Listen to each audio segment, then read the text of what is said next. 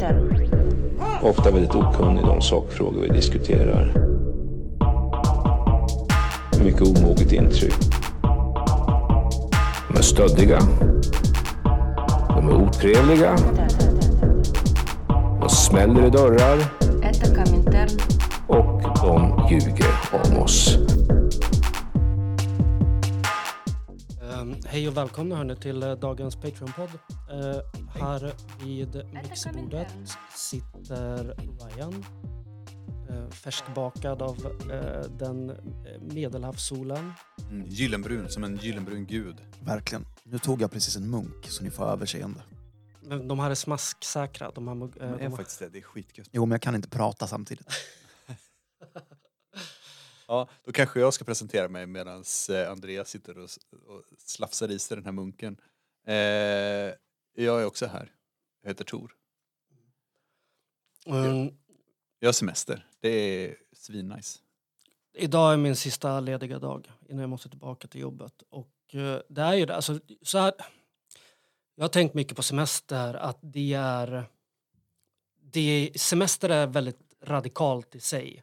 Det är Mm. liksom en tid där man inte ska jobba, helt enkelt. Man får betalt för att inte jobba, eller många får betalt för att inte jobba. Jag får tyvärr inte det, utan jag måste plocka ut min semester obetald. Men um, man skulle också kunna tycka att semestern ah, borde vara mer eh, radikaliserande än vad den är. För att det blir ett uppehåll i vardagen där man på något sätt äger, alltså i så stor, eh, bortsett från att vara rik och helt ekonomiskt eh, oberoende så äger man sin egen tid. Det är, dagen börjar som man vill, dagen slutar som man vill om man har det liksom någorlunda ställt. Men jag tror att det är många som inte kommer förbi den här, alltså som inte riktigt kan axla ansvaret för att jag får göra vad jag vill för alltid. Och då måste jag på något sätt eh, ta hand om, alltså den här autonomistiska idén om att, så här, att man dogmatiseras in i arbete. Jag tror ganska mycket på den, att om, för att om man är arbetslös för länge då kommer det vara svårt att börja arbeta igen. Eller det kommer vara svårt att bryta ner en människa som har varit fri från arbete att faktiskt börja arbeta igen. Men, men eh, på samma sätt så är det svårt för många att liksom att slita sig ur arbetets logik liksom. Och inse att så här, det är jag som måste, det är jag som måste jag, alltså jag förstår att folk så här städar och badar och gör liksom olika grejer. Men, men om man vill göra något, något mer eller större så kommer det kräva att man går in för det lite. Jo, men jag tänker inte radikaliserande som att man blir, eh, att man blir autonom vecka tre in i sin fem veckors semester. Utan jag menar radikaliserad i att man eh, har någon slags form av ägandeskap av sig själv och den tiden man förvaltar. Även om den sker inom kontexten, det sker inte bara inom kontexten av ett arbetsår. Det sker inom kontexten av en hel livstid, av att man måste tillbaka till jobbet, man har jobbat jättelänge. Men att den här känslan eh, av, att, av att berövas, att, Ja. att, att, att, att upptäcka på något sätt att det här är någonting som jag eh, förvägras utav det här samhället. Den här eh, långa, långa frukosten på balkongen i solen. Fåglarna kvittrar, barnen är ute och leker.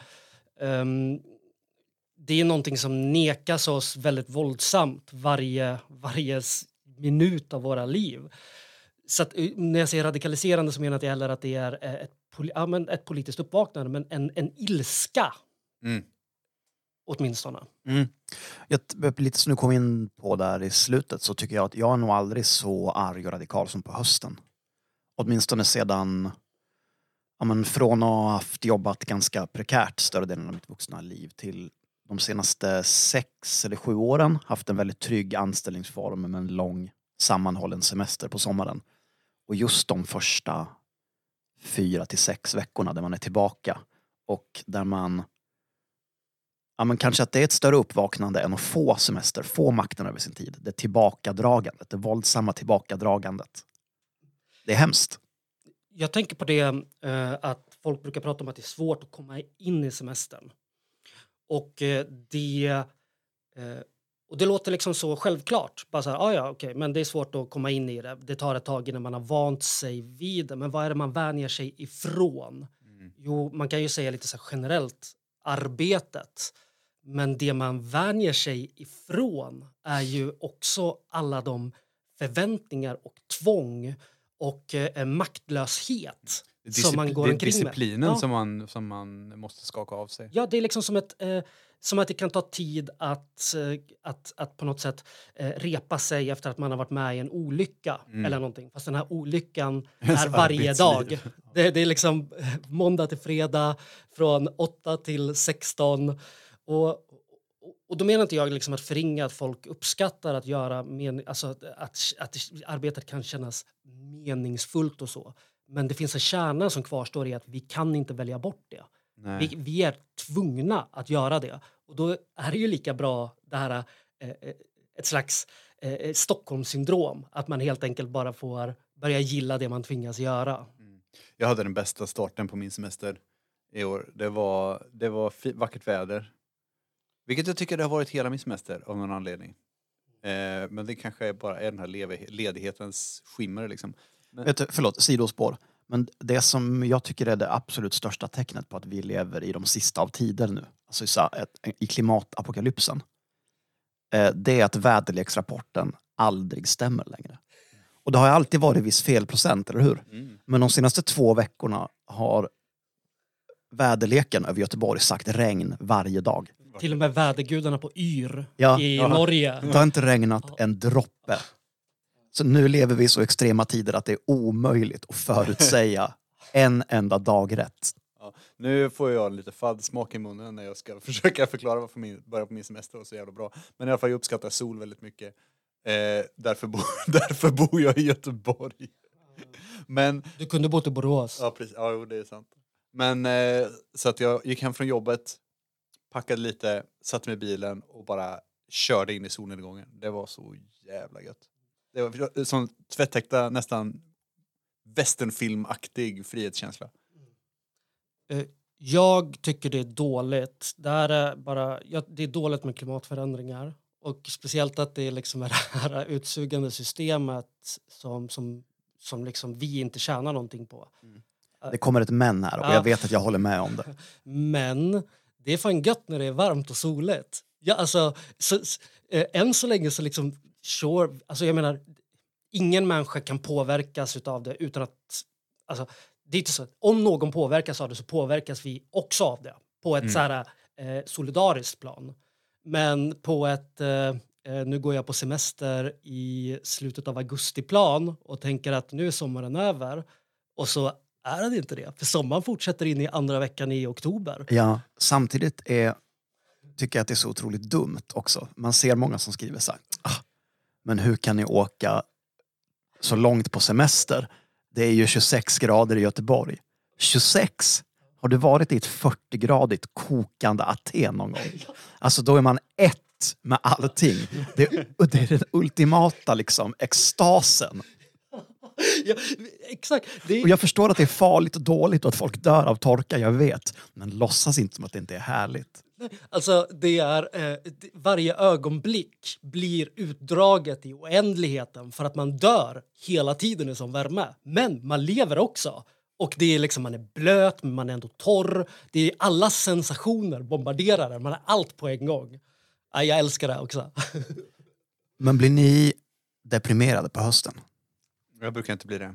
Jag, eh, alltså, jag, är jätte, jag tycker det är hemskt. Och det som du var inne på innan också, att man är arg på hösten. Eh, det håller jag verkligen med om. Det är eh, då påbörjas ju det motsatta från semestern. Att man ska påbörja liksom, Disciplinera sig. igen. disciplineras igen. Och att hela världen förmultnar runt omkring en. Och att det blir mörkare och kallare. Eh, Eh, för jag, tyvärr, ju äldre jag blir desto hårdare måste jag kämpa. Alltså jag måste, i slutet på augusti redan så måste jag börja liksom hugga i. För att inte sugas ner i liksom ett svart mentalt hösthål. Och det handlar dels om att börja jobba tror jag också om mörker och kyla och sådana saker. Men mest tror jag att det är Ja, men att jag har haft en lång period bakom mig där jag har haft tid och att jag märker så här, men jag orkar inte upprätthålla de sociala relationer som jag vill. Jag är som argast den här tiden på året men jag orkar göra som minst politik. Mm. Nej, det är förvirrande och eh, hemskt. Precis, eh, och att eh, någonting jag tänkt på med till exempel, nu säger inte jag att det bara är klimatet, men ehm, eh, världen, min erfarenhet är att världen är någonting som alla har, alltså utomhuset eh, som koncept, är någonting som alla människor har olika tillgång till och det har väldigt mycket med social bakgrund och eh, vilken typ av aktivitet aktiviteter man kunde göra som barn. Lärde man sig åka skridskor, skidor, eh, så ökar tillgängligheten till världen på vintern. För då betyder det att man fortfarande kan vara utomhus och hitta på saker. Men för de allra flesta, skulle jag säga, så sker helt plötsligt en slags lockdown av världen. Det Vi kan- kan- förlorar tillgången till den. Abs- Eh. absolut. Jag minns det här jättetydligt från när jag var liten. Och alltid typ varje, ja, men varje november så ville jag bara fan i sommar ska jag lära mig åka skateboard. Alltså, det verkar så jävla nice. Och så kollade jag på typ Lords of Dogtown och så kände jag att det här kommer vara det bästa som finns i hela världen. Eh, och sen så kom sommaren och sen så sket jag i att lära mig åka skateboard för att jag är nästan 40 år och liksom dö, kommer dö om jag ställer mig på en skateboard.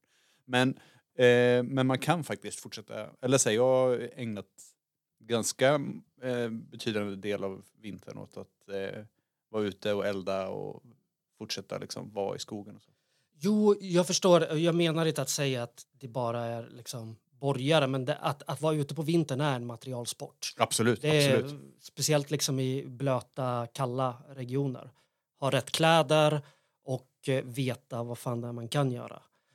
Jag skulle också säga att MUS är ett fusk på sagda materialsport. Vad då för något sa du? MUS. Är det de som skickar pengar till Hamas och Hizbollah? Ja, men också säljer eh, eh, billiga vinterkläder på vintern. Ah, okay. Second hand är fusket. ah, okay. För varje pjäxa man köper så faller det bomber över Tel Aviv.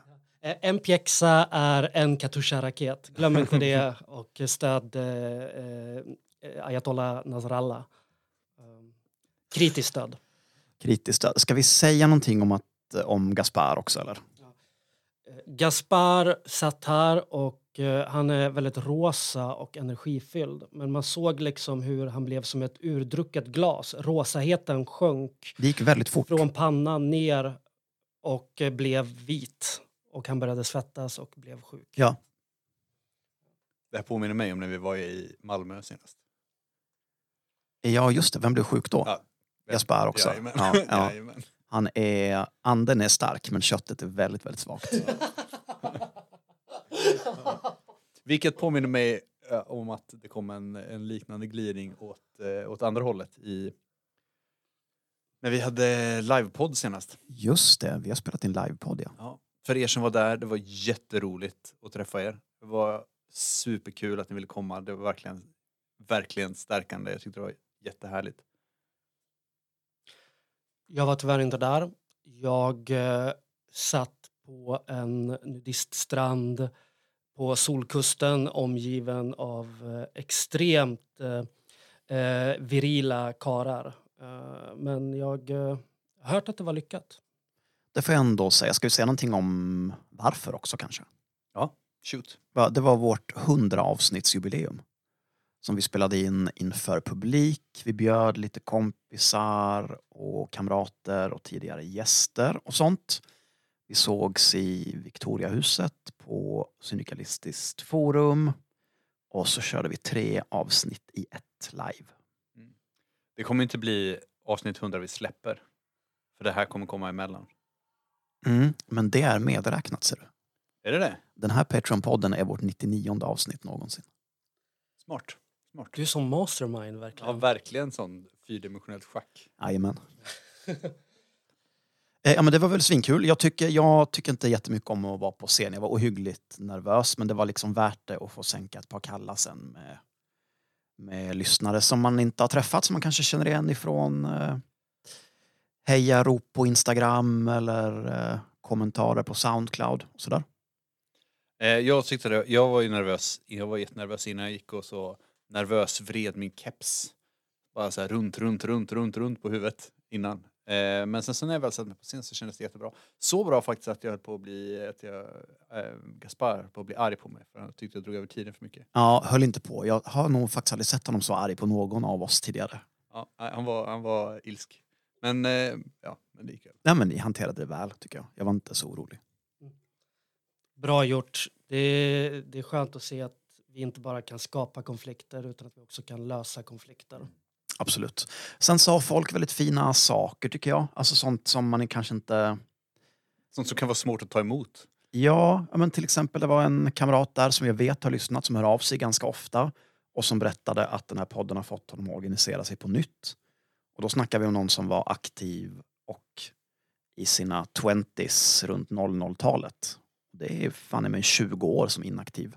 Och det är inte helt lätt att komma tillbaka till vad som ändå får anses vara en fortfarande, om än svag, som någon typ av ungdomsrörelse, subkultur, eller hur?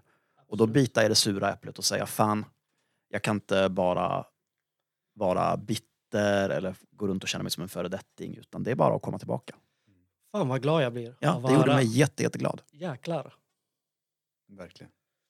Eh, Men livepodden kommer som avsnitt ett på säsongen om ett par veckor. Camintero.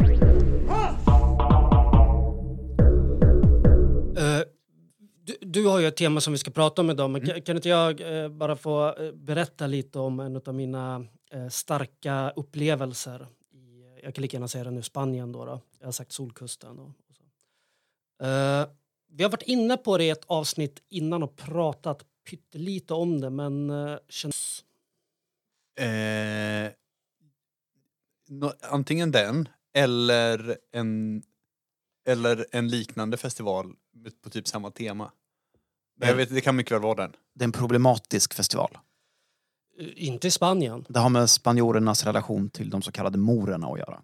de så kallade morerna. Ehm, exakt, då pratar vi om ett eh, nordafrikanskt kalifat som på 700-talet eh, efter Kristus ehm, gick in och eh, höll väl, eh, regerade två tredjedelar av Spanien skulle jag säga i eh, över sju, nästan 800 år, eller omkring där, 750 år. Man kan säga liksom att Spanien har varit ehm, eh, muslimskt, eh, eller styrt muslimskt, eh, ungefär lika länge som det har styrts eh, kristet. Just det. Och spåren av det så finns ju fortfarande att se i arkitektur och sådana på speciella platser. Precis, och i språket. Det är väldigt eh, influerat. Det var väldigt, eh, vad säger man, vibrant. Eh, kulturutbyte och sånt. Men eh, 1491 kallas ju för det svarta året av flera skäl. Eh, dels så åkte ju Columbus eh, till Barbados på eh, världens längsta Världens omväg. Sämsta resa. Världens sämsta resa. Och sen så följer också sista moriska fästet i Spanien, i Granada. Eh, och eh, det som följde var ett eh, ultimatum utav korsfararna. Det var ju korståg på korståg på korståg som sakta men säkert tog tillbaka Spanien då. Eller tog över Spanien. Tog tillbaka kanske låter lite konstigt att säga. Över Eh, ett, eh, ett rike som har varit i, i nästan 800 år där. Ehm, men det som följde direkt efteråt då, den här eh, totala då, ehm, övertagandet av Iberiska halvön, Iberiska halvön var ett ultimatum på alla som eh, alla Norda, folk som har kommit från Nordafrika och så, att konvertera eller stick. Och de som många muslimer eh, konverterade till kristendom. Väldigt få judar konverterade till kristendom och eh, drevs ur landet i samband med detta. Sefarderna, tänker jag säga. Bara för att brilj- briljera med mina historiekunskaper. Jag tror att många av dem hamnade i Turkiet sen. I Istanbul. De allra flesta hamnade i Nordafrika, Mm. ehm, längs hela kusten där. Det, finns en, det finns liksom en, en specifik judisk diaspora i, i Istanbul. De har fått eh, eh, knepigt nu på, eh, sen Erdogan tog makten. Det kan jag verkligen tänka mig. Eh, tyvärr. Och eh, sen det här övertagandet då, eller lite senare, eh, lite oklart när det här firandet började, men på 1600-talet i alla fall så fanns det i full blomning en festival som firades årligen på olika platser i Andalusien och Valencia-regionen eh, som heter då Moros och Cristianos och det brukar då utgöras av eh, en veckas firande som inleds då med att en del av befolkningen klär ut sig till morer. Festivalen invigs med att de tågar in i staden då. Sen så är det massa partaj och sen så avslutas festivalen med att eh, korsfararna kommer och jagar morerna ur, ur landet. Um, och eh, på vissa platser så iscensätts strider, eh, andra ställen så är det bara marscher och fester och så. Det är sjukt att, att morarna kommer, det är fest och sen kommer party poopers, eh, korsfararna och så, blir, och så slutar festen. Det är den största festen då, alltså Ja. efteråt. Okej. okej. Ehm, och eh, det, det är liksom de här inter, de minglar ju med varandra under festivalen och så också. Men Ehm, på vissa platser så finns det ju också eh, folk som eh, har en judisk avdelning i, i, i det här tåget. Eh, vilket av spanjorerna själva ses som en väldigt så här, fin grej. De pratar om att det här är ett ställe där man kan prata om tre olika kulturer, den judiska, den muslimska, den kristna eh, som möts och man behandlar det här som en historiskt levande tradition och så. Men det man inte nämner då, då är ju att det sker inom kontexten av att eh, Spanien gjorde sig av med alla judar i slutet på 1400-talet. Ehm, eh, jag ska försöka hålla det kort. Ehm, eh, vi kan säga så här, de, ni vet medeltidsveckan, det finns olika gillen som ansvarar för att klä ut sig och sånt. Så är det ju i alla de här olika småstäderna där man firar också. Att det finns en grupp som alltid är med i den eh, moriska gillet då, då, där man klär ut sig till morer och då, vissa klär ut sig till kristna. Eh, då, då. Eh, de som klär ut sig till morer ser ju ut som att de har varit på rasistbuttricks. Och, eh, Och bara kommer direkt från typ Aladdin. Ja, ja, Aladdin, 92, folk har harembyxor, folk har såna kurvade skor, eh, svarta kläder som så här, lite Isis eh, in, eh, k- kläder med så här, någon, eh, fått höra från väldigt eh, säker källa, det arabiska, arabiska citationstecken tecken på baksidan av deras jackor och sånt, alla är uniformt klädda, men förmodligen påhittad arabiska. Eh, förekommer det så att säga ansiktsmålning? Eh, eh, som tur var så förekommer det inga blackface längre, eh, får man väl eh, lov att säga. Och inga eh, i de här judiska... Alltså, för, kolla här. De som är, klär ut sig till morar är ju inte folk från Nordafrika, det är spanjorer som gör det. De som klär ut sig till kristna är ju uppenbarligen också spanjorer.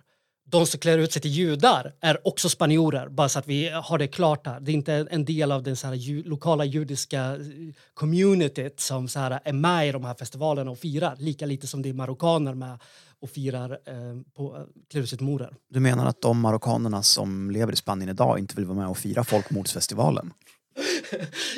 Ja. Det, det, jag tror inte ordet kommer ut till de här gigantiska tomatfälten där man arbetar för sju kronor i timmen att det är festival inne i stan. Så det är nog eh, svårt för nordafrikanerna att eh, delta i vilket fall som helst. Men eh, lite, förs- f- lite försök till eh, kulturöverbryggande eh, verksamheter i år. I en liten stad som inte jag tänker slakta namnet på, eh, jag har glömt vad den heter, så eh, ledaren för det här eh, moriska gillet då, då, det har varit inställt i två år den här festivalen nu på grund av pandemin och då tänkte han liksom bara nu jävlar ska vi dra på. Så han eh, gick och haffade på olika sätt eh, 48 stycken sub-Sahara eh, eh afrikaner, alltså eh, svarta, som han sen, eh, ja men de fick väl olika kläder, moriska kläder. Och sen så inleddes festivalen med att de här eh, 48 männen bar in spanjoren som var utklädd till morisk konung, ser ut som eh, Jafar i Aladdin på en gigantisk bärstol, eller tron. Eh, eh, om man, Vad bra att du specificerade Jafar i Aladdin. Så ingen trodde att det var Jafar, den här synt clown nazisten som har knarkat sönder hjärnan och dyker upp på alla torgmöten i Göteborg. AFS-schamanen, vår, egna, vår egna schaman. Det hade varit sjukt faktiskt. Ja. Eh, Det väckte lite rabalder i spansk media. Då var folk så bara, ah, nej, nej, nej, nej, nu har ni gått för långt. Det här är en fin tradition vi har av att lyfta alla olika kulturer som har varit en del i det här landet och så gör du det här. Det ser vi lite som att det, det är liksom... Det är finns en gräns även i Spanien. Det finns, det. det finns en gräns och den ligger någonstans mellan mycket dåligt, eh, bära in en, eh, en vit man sminkad till någon slags form av berber eller arab. Eh, och då det som precis är tillåtet, bygga en gigantisk eh, Mohammed i papier-maché, hänga upp i en gammal borg och spränga i bitar. Det är fortfarande helt okej. Fan, någon gång ska vi prata om olika reaktionära, så att bränna av bilder, eh, bränna av bilder, traditioner. Det har också hänt i, i York, så eh, brände de ju en avbild av eh, Guy Fawkes varje år. Just det. Och något år så stal anarkisterna Guy Fawkes eh, dockan eh, natten innan, så då fick de inte, då kunde de inte elda upp den. svenska julbox-grejen, fast tvärtom. Ah, det, jag bara sa så. Det, det, det handlar om att man sätter eld eller inte sätter eld på någonting och därför såg jag en liknelse. Jag vet inte Ja. vad som gäller med bocken här. Perdona, donde esta la etnisk rensning festival? Får jag fram skolspanskan. Eh, Du kan ju också en annan fras väldigt bra som du brukar säga eh, ibland som relaterar till det här vi just har pratat om. Ja, ska, ja, ska jag begå... Du försöker locka fram mer rasism här. Men jag vet ju att den spanska motsvarigheten till det svenska talesättet här ligger en hund begraven, alltså att man anar oråd, är... Eh, jag, jag tror att jag missade första ordet. Haj Moresen la Costa. Det är vid moros kusten. en la costa. Det är Mora vid kusten. Det är ändå intressant att man har lyckats hålla ett hat levande mot en grupp och en kultur som inte har existerat på eh, 500 år. Lika passionerat som spanjorerna har. Det är strångt. Eh, Det, det var min rapport. snygg, snygg rapport. Du ser ut att ha haft det bra. Jag är glad att du är tillbaka men jag är också ledsen för din skull. Tack, tack, tack. Eh, Gaspar är ju sjuk. Han var tvungen att lämna. Eh, men vi ska plugga en grej inför hösten, eller hur? Vi ska tweaka Komintern-formatet lite. Hjälp mig här. Ehm, Det, vi försöker helt enkelt att skapa en, eh, eh, kanske lite mer eh, horisontalt poddformat där vi vill att ni som våra lyssnare ska kunna vara lite mer eh, delaktiga i, i, i vad som pumpas ut härifrån. Och då är planen helt enkelt att försöka lansera eh, möjlighet för er och alla andra lyssnare som inte är Patreon-lyssnare då, då eh, ja, men möjlighet att spela in en hälsning, eh, vad som helst, Eh, egentligen vad som ligger, ligger nära om hjärtat och sen skicka in till oss så att vi kan spela upp det helt enkelt. Ja, hjälp oss att krossa uppdelningen mellan producent och konsument. Gör det här till er podd på ett annat sätt. Eh, spela in, som Ryan sa, en hälsning, ett argt meddelande, en hyllning, en politisk tanke, en jobbanekdot, jag vet inte. Banda den på din mobil och mejla den till kominternpodd.gmail.com, eller hur? Så kommer vi att strössla dem över våra avsnitt från och med nu.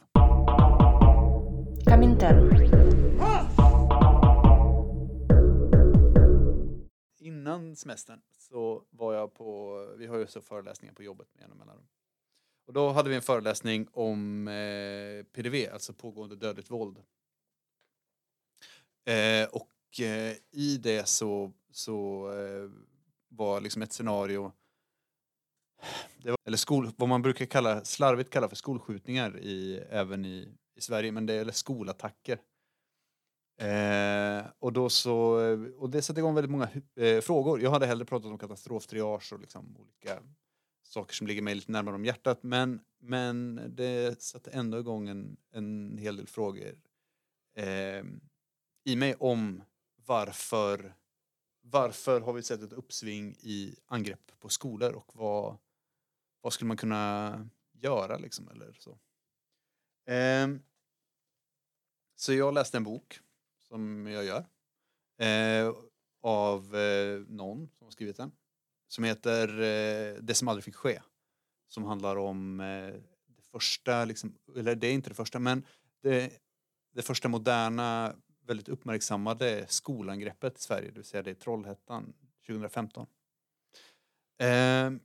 Anton Lundin Pettersson. Precis. Pettersson, Rymd, mask och svärd. Ja, precis. Precis, den. Eh, Reaktionär. väldigt reaktionär. Eh, den, den boken träffade mig ganska... Jag jobbar ju med, med traumasjukvård eh, i mitt, mitt dagliga arbete och de beskrev ehm, de beskrev mitt jobb liksom i den här boken. Och jag träffar ju folk, jag träffar folk som, eh, som kommer in och är allvarligt skadade av, av olyckor eller med flit. Och eh, ibland så Ibland så går de inte, ibland så lyckas vi inte rädda dem och ibland så lyckas vi. Liksom. Och det, eh, men vi jobbar ju alltid väldigt hårt tillsammans liksom, för att för att komma ja, men för att få ett positivt slut liksom, för att man ska överleva och kunna rehabilitera och komma tillbaka till sitt liv och så. Fan vad sjukt det är att du har ett jobb där du ser döda människor hela tiden. Mm. Jag har aldrig sett någon som är död. Det har jag gjort många gånger.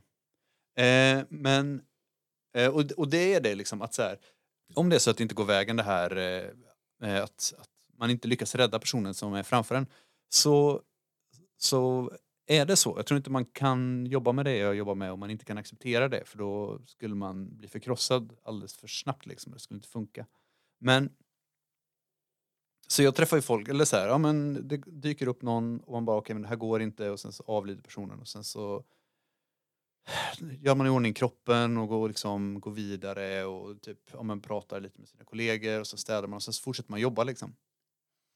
Eh, och jag är ändå ganska duktig på att hålla det här ifrån mig. Men när jag läste den här boken så, så kom det så jävla nära. Eh, att de beskriver, de beskriver liksom, sam, parallellt som de beskriver det arbetet som jag gör till vardags, så beskriver de också så här hur, hur det ser ut på plats. Hur reagerar familjen och hur reagerar anhöriga och folk runt omkring liksom. Jag var på väg till träningen när jag lyssnade här och jag höll på att börja gråta på cykeln. Det var helt... Eh, ja, det var väldigt... Eh, det blev en det liksom kom, visst, visste inte ens hur jag skulle prata med mina kollegor om det här, men det liksom kom så jävla nära. Vilket var helt, eh, ja men väldigt, väldigt tydligt liksom. Det är ju inte, det är ju inte unikt för, för attacker mot skolor, men det blev i det här, i det här konceptet så blev det väldigt ja, men, påtagligt. Mm. Men det är väl någonting, jag hoppas att du möter det här mer sällan än, än andra typer av eh, olyckor och våldsbrott sånt på jobbet. Alltså någon som medvetet har tagit livet av barn. Eh, nästan aldrig. Det händer nästan aldrig. Mycket för att jag inte jobbar på Östra där dit barntrauma kommer i första hand. Men så jag började, eller fortsatte tänka på det här. Ehm, så jag hittade en lista på olika gånger som det här har hänt. När tror ni första, första attacken mot en skola var? I Sverige? Ja. Jag kan bara göra en sån uh, att jag drar någonting ur röven och säger det. Uh, jag säger 1973. Nära. Nära ändå. 1961. Och då är det en 17-åring som går in på en skola eh, på ett läroverk och skjuter omkring sig med en pistol på en skoldans. Sju ungdomar skadas och en eh, avlider. Sen dröjde det fram till 79. Eh, en tillsynslärare blir mördad av en 15-åring som är berusad. Eh, och sen är det ett hopp fram till 2001. Eh, och det, verkar, det är inte någon som kommer till skolan för att bara döda folk liksom urskillningslöst utan det är en, ett bråk. Och det här hände två gånger 2001. Mm, det är också djupt tragiskt såklart men ändå avsevärd skillnad. Ja, det faller under en annan, under en annan kategori liksom. Och sen så är det eh, 2015, 2016, 2017, 2018, 2021, 2020 och sen två gånger 2021. Varav de här två sista gångerna är två unga killar som, som eh, känner varandra sen innan. Just det. Och följt av två gånger 2022. Eller är det en? Jag tänker framförallt på det här oerhört tragiska Malmödådet. Det är de två som känner varandra. Det som eh, begicks eh, eh, någonstans och det som hände i Malmö. Ja? Eslöv och Malmö. Ehm, så det här är ju någonting som är som är eh, som blir vanligare och som kommer med väldigt tydliga fascistiska förtecken.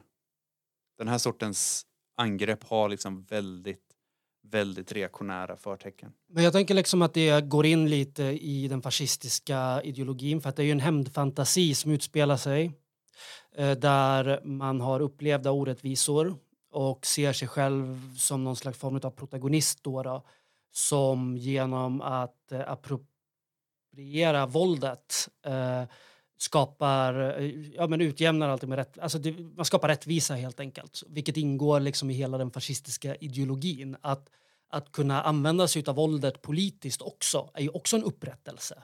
Där man går ifrån att ha varit kuvad, förtryckt eh, eller hotad utav något slags form av yttre hot till att eh, eh, återta sin rättmätiga position på något sätt och, och, och att man gör det genom våldet. Mm. Och det är också det att, att eh, eller dels att, alltså fascismen dyrkar ju två saker liksom. Eller tre saker egentligen. Nu ska vi inte ge oss in i den här vad är fascism-diskussionen? Eh, igen. Men, men jag upplever att det finns tre, liksom, tre gudomar på fascismens altare och det är, det är våldet man riktar mot andra. Det är döden för sig själv och det är maskuliniteten som liksom någon sorts överbryggande. Och man kan se, man kan se liksom tydligt ehm, framförallt de två första i alla de här händelserna. Liksom. För det är också en form av eh, men avslut liksom. Och jag tror att det är därför som man skiljer det här så mycket från för i den här boken, eh, Det som aldrig fick ske, då pratar de väldigt mycket, de pratar ganska mycket om fascismen, det får man ändå säga, liksom, och Anton Udins, liksom hans eh, uttalanden på internet och vad han tyckte och tänkte och så liksom. Men de pratar väldigt, väldigt, väldigt mycket om hans eh, psykiska mående och att han mår dåligt liksom. Som, som alltid kommer upp i den här sortens eh, men, eh, våldsdåd som, som kommer upp som kommer, man diskuterar när, man, när det är unga vita killar som, gör, som, är, som dödar andra människor. Man inte pratar om alls på samma sätt. Eller alls överhuvudtaget egentligen när det är liksom eh, ja, men, unga kids från förorten som skjuter varandra. Liksom. Nej, vad uppfriskande ändå att den här boken har båda delarna. För att jag tycker ofta att någon av bitarna saknas. Men det är klart att eh, psykisk ohälsa, vilket det här jävla skitsamhället skapar hos unga är lite grann en förutsättning för att någon ska låta sig marineras så fullständigt i fascistisk internetkultur. Mm. Och också spär på den liksom. Eller spär på den psykiska ohälsan. Upplever jag i alla fall. Så till den milda grad att de begår såna här, också det får man väl ändå säga, alltid oerhört eh, fega dåd.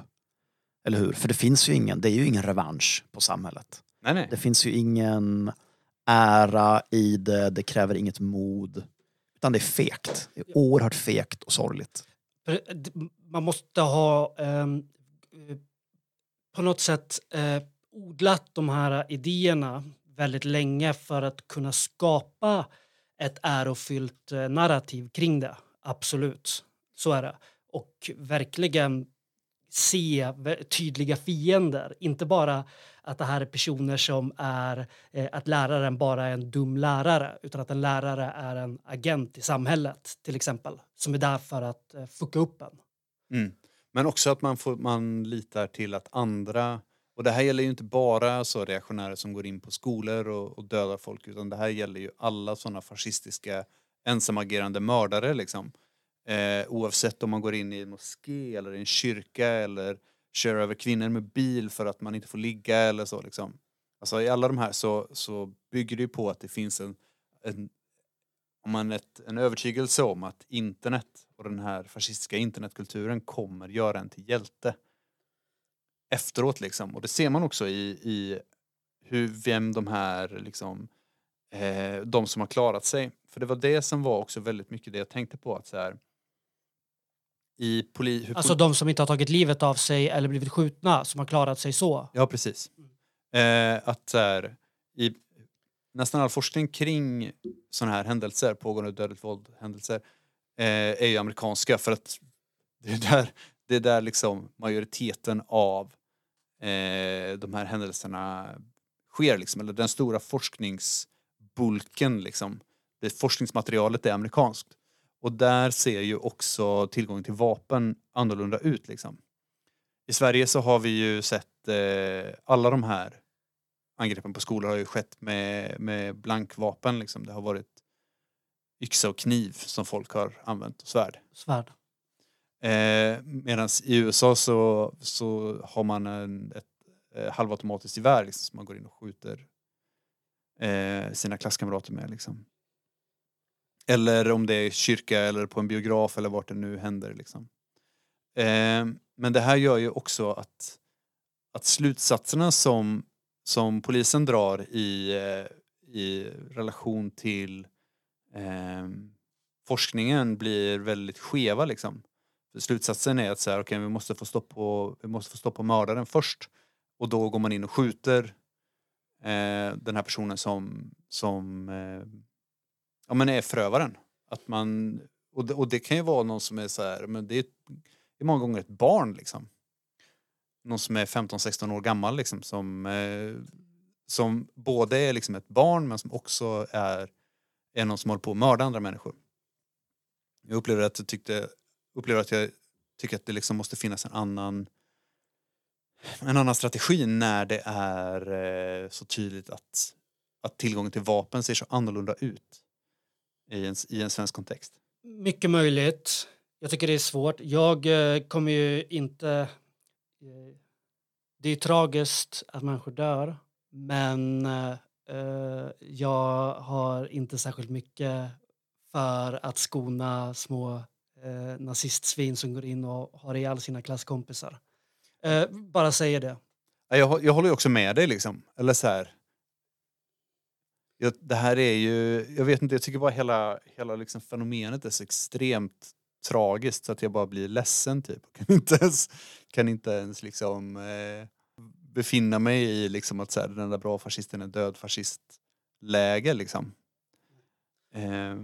Nej, jag fattar det. Och det alltså, eh, och, eh, om jag får sitta och tänka och suga och vrida och vända på det här så skulle jag säkert landa i en annan position. Eh, och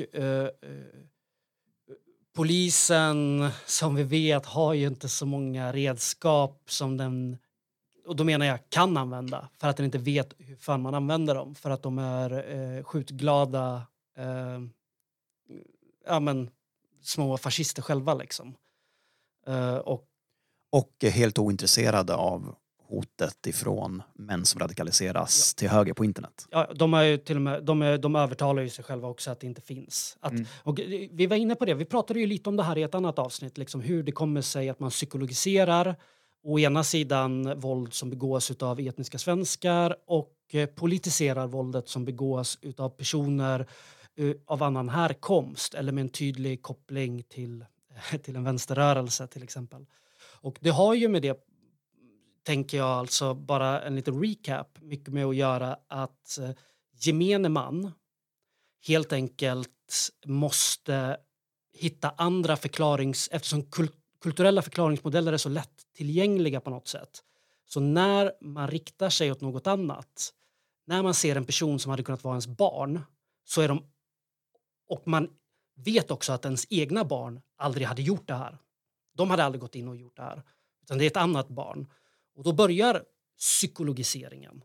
Det måste finnas en avart i den här Mm. personen. För det, den kulturen jag tillhör, det grannskapet, det folket skulle aldrig göra det här. Det kan inte vara så att vi skapar det här våldet i vårt samhälle. Utan det är en sjukdom som ligger till grund för det. Och eh, psykisk sjukdom har ju tyvärr eh, eh, ses... Eh, eh, poliser och till och med poliser ifall de ser det här som psykiskt sjuka har ju kanske inte de bästa redskapen att hantera det utan de skjuter ju ihjäl eh, folk som är psykiskt sjuka hela tiden. Ja, precis.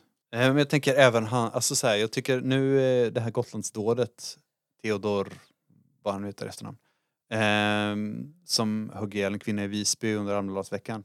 Alltså han, jag är, förvån, jag är förvånad över att man driver en, att det är öppnat som terroristbrott.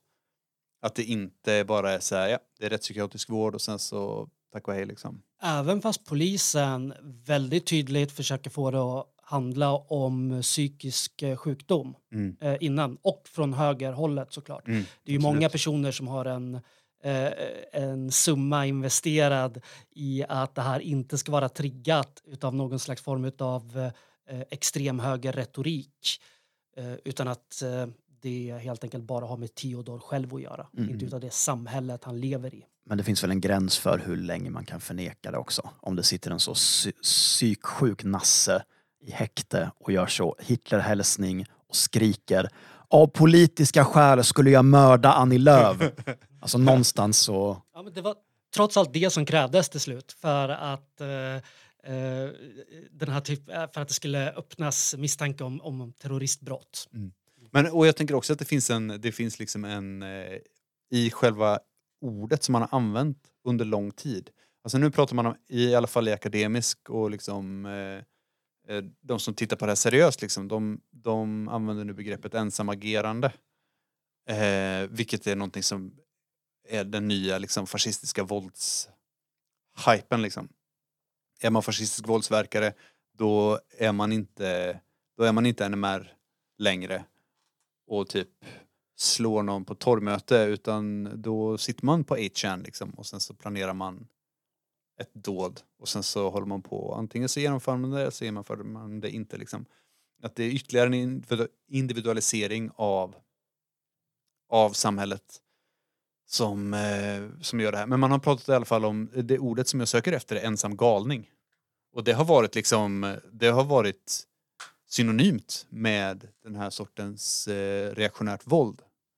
Eh, att man, har- man har aldrig pratat om, eller man, att man bara, så, ja, men i själva begreppet så lägger man in att så här, den här personen är galen, en psykiskt sjuk människa. Liksom. För det kan inte vara någonting annat, för det här våldet är så tokigt. Liksom. Eh, men så hade jag också en tanke om, jag har tänkt väldigt mycket på 00-talet nu på senaste. Och det vet de som var på, på livepodden att jag pratade ganska mycket om det. Um, men att så här, att våld, att det grova våldet i samhället, nu vet jag inte om det har ändrats senaste, men det grova våldet i samhället har ju varit sjunkande väldigt länge. Och jag upplever att så här, det kollektiva våldet i samhället från alla håll egentligen, från Eh, på fotbollsläktaren under 00-talet så var det liksom slagsmål inne på de konflikterna liksom, de gjordes upp inne på stadion. Nu sker de i en grusgrop i Boxholm. Ehm, liksom våldet på demonstrationer har blivit mindre. Eh, både på, liksom från, eh, alltså vänstern är inte, inte lika bra på att projicera, på att projicera liksom eh, force eller vad man ska säga. Eh, och det samma gäller högern liksom. Eh, men så det kollektiva våldet har verkligen liksom sjunkit undan men det individuella våldet har blivit mycket, mycket, mycket grövre. Um, och jag vet inte, har ni några idéer om varför, varför det är så liksom? Eller är, handlar det bara om liksom individualiseringen av och autom, autonomiseringen av samhället? det man har sett, jag tycker det individuella våldet eller eh, ensamgalning-grejen är ju väldigt missledande. För det, det stämmer att det är en person som genomför de här Eh, attackerna men oftast så sker det ju inom kontexten av att den här personen är aktiv på olika sidor på nätet där de här eh, planerade brotten diskuteras och eh, i liten grad, även om det kanske sker mest i förberedande syfte av en enskild person, eh, uppmuntras då, då eh, eh, gemensamt. Så att det finns, det finns, en, det finns en, en grupp, den kanske inte är en bestämd politiskt formulerad, alltså specifik politisk grupp, men det sker i samtal med andra, men sen genomförandet är bara en person. Mm. Det är inte så att NMR sitter och har möte och så här eh, Tobias på onsdag så ska du genomföra det här utan det är ju en, en mer amorf, liksom, ett amorft kollektiv som, som tar fram de här mördarna. Liksom. Ja, absolut. Och jag menar de här personerna som livestreamar sina dåd, till exempel i Christchurch och nu i Buffalo senast. Eh, skälet till att de kan få personer att hitta till deras Twitch och till deras, eh, ja, vart de nu eh, livesänder det, är ju för att personer som de har pratat med tidigare om de här våldsfantasierna och eh, pratat lite abstrakt om så här, vad det skulle innebära att gå ut och göra någon sån här handling. Ja, men, ja, precis, att, eh, ja, våldsfantasierna. Eh, att det finns en grupp människor som vet exakt vart de ska vända sig och sen börja sprida de här videosarna. Mm. Det var eh, även en, han Malmö-killen, livestreamade ju också liksom sin, sitt, eh, sitt våldsdåd. Liksom. Ja, sjukt är det. Sjukt att det är så att samhället i stort är så ointresserat av att försöka förebygga och förhindra också. Oavsett om det är vuxna som Almedalen, mördaren eller om det är barn som när det kommer till dödligt våld på skolor. Jag vet inte riktigt vad jag vill komma vidare. Jag har liksom ingen punchline på det här. Men det kanske inte bara finns någon det- punch. Eh, alltså, eh, punchlinen är väl att eh, vi lever i ett eh, extremt eh, våldsamt och eh, cyniskt samhälle och att varje försök till att skapa diskussion om samtal med det här kommer mötas av enormt motstånd för att de partier, de grupper som styr samhället idag eh, deras eh, på något sätt existensberättigande hänger på att det inte är de som uppmuntrar det här våldet. Jag, jag, jag vill också säga att alla som har som moralpanik över gangsterrap som handlar om hur dåligt man mår när man är yrkeskriminell. Alltså alla de, att de inte har så fruktansvärd moralpanik över typ eh, vad fan heter Death Wish och alla andra sådana, typ Batman och så all, all film som glorifierar så eh, vigilante våld. Att den moralpaniken inte finns när, eh, när den är eller typ all krigsfilm för den delen. Eller bara så hur, hur våld glorifieras i vår kultur överhuvudtaget. Eh, tycker jag är uppseendeväckande. Alltså. Och dataspel. Kaminter. Vill ni bryta eller vill ni snacka lite Crypto Bros också? Jag jättegärna pratar 100 Crypto Bros. procent. Okej, jag bara förbereder det här som reserv. Ja, Eh. och vi har ingen segway. Vi bara kör. Ja, det handlar om kryptofascister. Jaha, okej. Så att det finns en, det finns Ja, en ja. segway, tänker jag. Ni får bolla lite med mig, för jag kommer bara läsa rätt ur en artikel. Ja. Eh, eh, har en blogg som heter Enmansutredningen. Och där skrev han så här häromdagen. Det var Ali Esbati, Vänsterpartiets ekonomiska talesperson, som frågade på Twitter. Varför skriver så många internetrasister att de sysslar med aktiehandel? Bra fråga. Berätta mer. Eh, jag, jag förstår vad han menar nu, men jag förstod inte. Jag hade aldrig fattat det här om, det hade, det här, om man hade frågat det för en månad sedan ungefär. Hur kommer det sig att du förstår det nu? Eh, eh, det börjar, eh, den här, kanske inte just fascism, men det, det finns ju någon Twitter-profil som gjorde någon extremt lång eh, granskning, citationstecken, eh, om PKK-grejerna och sånt i, i Stockholm, projiceringar av PKK-bilder och sånt, eh, som påstod att det var fake. Och det fick väldigt stor spridning, eh, det här. Och han hade ju fel såklart. Ja. Ja just det, han var en crypto bro han hette typ... Heter han typ inte Aktiemannen? Eller typ... Jo, något åt det hållet. Ja, okej, jag fortsätter. Eh, 2002 formulerade sociologen Randy Martin teorin om vardagslivets finansialisering. Hur finansmarknadens logik äter sig in i människors relationer och identiteter. En rapport från Centrum för konsumtionsvetenskap, är det en myndighet? Sjukt, det här landet har så jävla många myndigheter som man inte visste fanns beskriver hur den här processen har varit påtaglig i Sverige sedan slutet av 80-talet och drivits fram ovanifrån, bland annat genom det nya pensionssystemet. Eh, PMF pratar de om då. Exakt. Men det är inte framförallt genom pensions och aktiesparande som svenskarna har integrerats i den finansiella logiken. Sedan början av 2000-talet har svenskarnas hushållsskulder ökat dramatiskt. Och även om en viss del utgörs av den typ av sms-lån och kreditkortsbeteende som avhandlas i Lyxfällans 31 säsonger så är den stora skuldsättningen bostadslån. Lån vilka vi tydligen ska betrakta som investeringar. Sedan 2010 samarbetar finansbranschen, myndigheter och folkrörelser som ABF och PRO i det nationella nätverket för finansiell folkbildning för att utbilda alla svenskar, från mellanstadieelever till seniorer, till att bli finansiella aktörer. För hundra år sedan försökte folkrörelser fostra svenskarna till ekonomiskt ansvarstagande. Men 2000-talets kredit och skulddrivna kapitalism ser inte sparsamhet som det som ska rädda oss.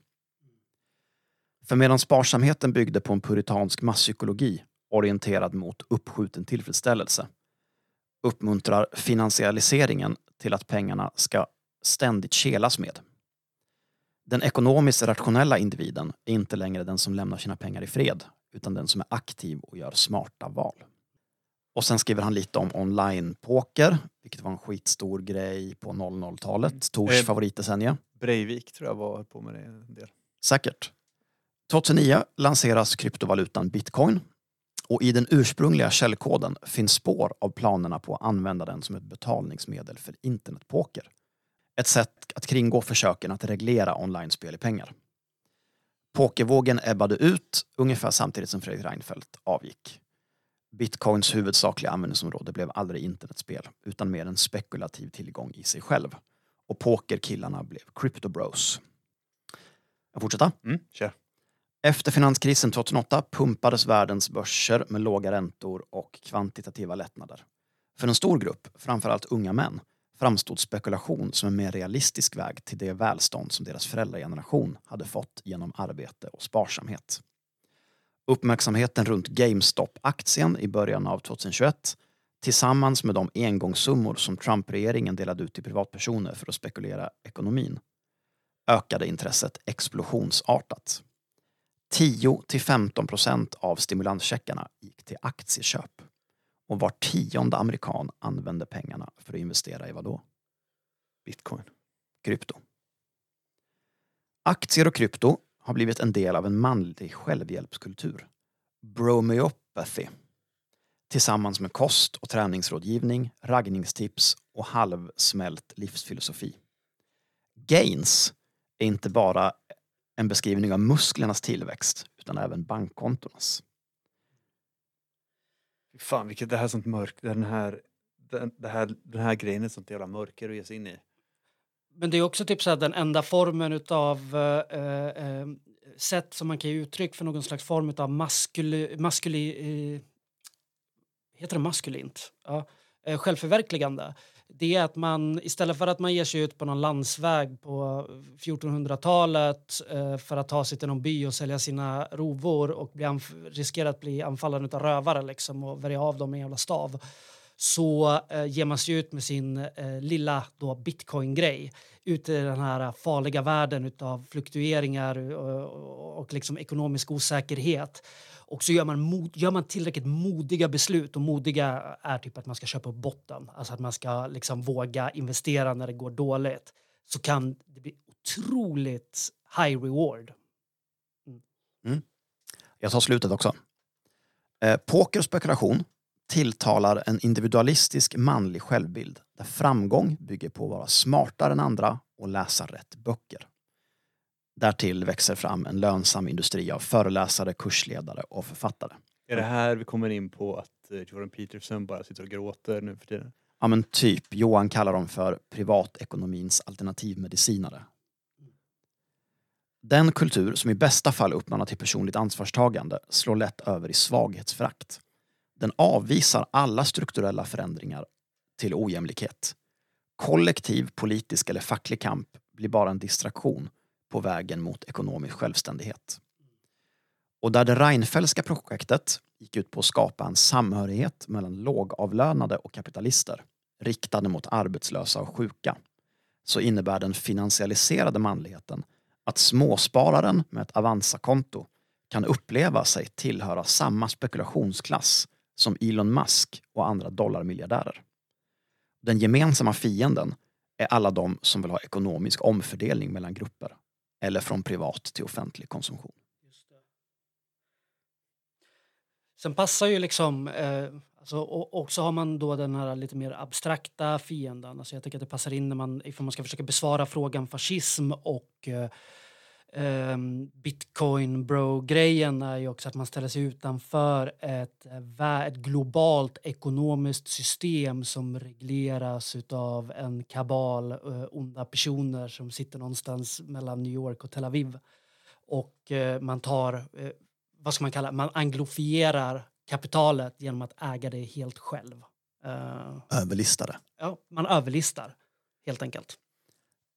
Den feministiska teoretikern Wendy Brown har beskrivit den nihilism som finns inneboende i nyliberalismen. Där frihet är att slippa bry sig om andra människor, om klimatet, om politisk korrekthet och så vidare. Att bry sig om något annat än individens gains är cringe. Härav de aggressiva Twitter-utfallen mot alla som hävdar någon slags politiskt subjekt. Finns det något skäl att inte vara skadeglad att det går skitdåligt med kryptovaluta? Nej. Nej. Det- Det är möjligtvis El Salvadors befolkning som har fått hundratals miljoner dollar investerade av sin hippa president i, i bitcoin möjligtvis. Ja, det är sant. Men det finns väl inte, det är väl liksom ett nollsummespel. Eller för vore alternativet att sitta här och önska att det skulle gå jättebra för alla kryptovalutor. Det är helt sant. Jag är väldigt skadeglad. Den roliga förklaringen till den här korrelationen mellan högermän och eh, kryptovaluta är också att alla är pedofiler. Så alla hade massa krypto innan det blev stort för att man köpte barnporr på darknet. Liksom. Och sen så blev de skitrika. Uh. Men jag, jag skulle vilja, eller så här, jag skulle vilja eh, kanske avsluta på en, eh, en note så här, men vad gör vi, vad, vad, vad vill vi ha istället liksom? För jag är inte intresserad av att läsa Jordan Peterson och eh, sitta framför min dator typ och svettas över olika aktiegrejer. Det är inte alls. Det vore skitkul om du hoppade på Jordan Peterson nu när han under ett års tid bara har suttit och bölat in i en webbkamera också. Precis. Man ska, man ska investera när det går dåligt. Om jag har lärt mig någonting på här, de senaste fem minuterna så är det det. Man ska investera när det går dåligt. Och det går dåligt för Jordan Peterson nu. Så nu är det dags. Nu kör vi. Men, ehm, men det är ju att, att lyfta kollektivet. kryptovaluta fast kexchoklad. Man köper någonting och så, får man, så ger man en kexchoklad som den andra kan äta och vara glad. Jag förstår inte alls. Jag Du förstår sa- inte heller. Jag Ja, tycker men ni sa- kexchoklad är jätteäckligt. Ja, men ni pratade om, du sa ett alternativ. Du sa vad är alternativet till allt det här? Och alternativet till kryptovaluta är uppenbarligen att eh, alla monetära transaktioner ska ske i form av godis som man får äta på plats såklart. Allt annat är dåraktighet. Precis. Så att vi inte kan eh, så här, vi kommer inte kunna spara värde längre. så man måste bara tugga i sig. Allt är värt en godis. Är kalorier som du får i dig Tor. Det är det enda som räknas. Den osynliga handen är det som hi- förhindrar snåla tanter från att ge typ en AK-cola för en stol som man har suttit och jobbat på skitlänge.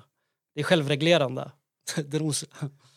Men i alla fall, alltså vi måste, vi må, och det här, det här är det jag sätter typ hela min framtidstro till. Liksom. Det här är min, det här är min, eh, mitt, eh, jag vet inte vad jag ska säga, men, eh, men det här är liksom det projektet som jag investerar liksom min, ja, men mitt, min framtid i. Och det är kollektiviteten. Att ha, ett, att ha kollektiv, att ha människor runt omkring sig som jag kommer hjälpa och som kommer hjälpa mig liksom, när det blir när eller om det blir tufft liksom. För en värld där ingen vet vad det finansiella systemet är för någonting. Absolut. Hellre än Jordan Peterson i, i, I tårar i, lokal, än i, i, i lokalen med oss än en lokal Peterson i kanalen ensam. Absolut. Så, så, Oj, ja, det tog lite tid men ja, absolut. Eh, hörni, innan vi slutar, så vi gjorde ju ett avsnitt med två personer från nätverket Take Concrete Action. Eh, har ni, följde ni aktionerna på Gotland någonting eller? whoop, whoop. Jajamensan. Det såg kul ut. Det såg otroligt fett ut. Man kan ju backa och lyssna på det avsnittet om man inte har gjort det redan, men hela Cementa-fabriken stod fullständigt still en hel dag. nice. Mm. Jag hade otrolig FOMO och jag vet inte vad det här nätverket tänker sig att de ska ta sig för nu. Jag hoppas att det inte var en engångsgrej utan att det blir igen. Och om inte där så någon annanstans. Och då säger jag på band nu, jag kommer. Samma, jag kommer också. Jag kanske kommer. Vi får se. Men eh, tack så mycket för att ni har lyssnat. Skicka in era eh, hälsningar. Så kommer vi eh, sprida dem. Yes. Bye bye, puss. Hej då. Tack för att ni stöttar oss. Alltså. Eh, Alla våra underbara, vackra Patreons. Alla 74 stycken. Merch är på G, bara så att ni vet. Ni behöver inte sitta och, och, och bli jätteledsna och så, utan det kommer och eh, förhoppningsvis så blir alla superduperglada. Mm, jag tycker om ni är ledsna så tycker jag ni ska skriva det till oss. Skicka bilder där ni ser ledsna ut. Eller skicka in ett meddelande till nästa avsnitt, spela in det på telefonen och så spelar vi upp det. Eh, Det lovar vi. Puss hej! Puss! 74 stycken. Merch är på G, bara så att ni vet. Ni behöver inte sitta och, och, och bli jätteledsna och så, utan det kommer och eh, förhoppningsvis så blir alla superduperglada. Mm, jag tycker om ni är ledsna så tycker jag ni ska skriva det till oss. Skicka bilder där ni ser ledsna ut. Eller skicka in ett meddelande till nästa avsnitt, spela in det på telefonen och så spelar vi upp det. Eh, Det lovar vi. Puss hej! Puss!